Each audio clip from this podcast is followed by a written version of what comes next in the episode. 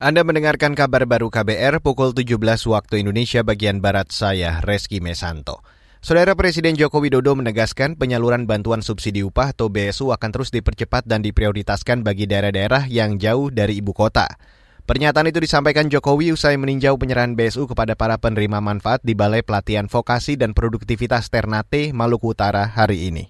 Ini akan terus dipercepat oleh Bu Menteri, utama yang jauh-jauh ibu kota dan saya akan pantau tidak semuanya tapi ya akan saya cek satu persatu.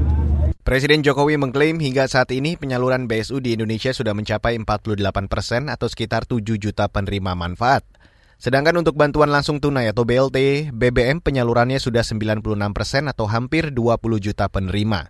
Presiden berharap BSU dan BLT BBM dapat menjaga daya beli masyarakat dan menggerakkan perekonomian nasional.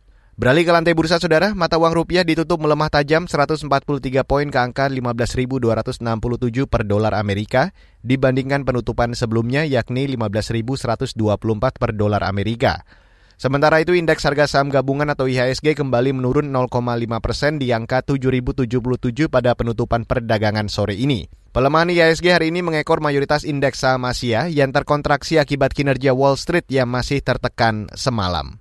Saudara Pemprov Daerah Istimewa Yogyakarta mengusulkan 22 warisan budaya tak benda atau WBTB dalam sidang penetapan WBTB Indonesia yang digelar hingga 1 Oktober nanti di Yogyakarta. Tak disebutkan detail apa saja yang diusulkan oleh Pemprov DIY. Sementara itu menurut Direktur Pembinaan Tenaga dan Lembaga Kebudayaan di Kemendikbud Ristek Yudi Wahyudin, ada sejumlah tahapan yang dilakukan sebelum dilakukan penetapan WBTB, antara lain mulai dari perlindungan hingga pengecekan lapangan.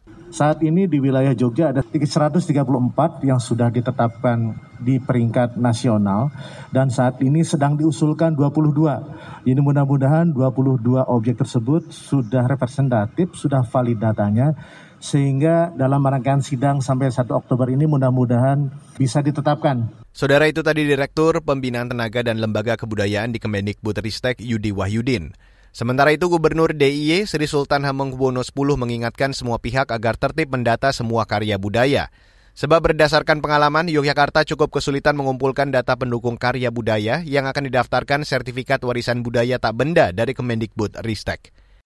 Dan saudara, demikian kabar baru saya Reski Mesanto.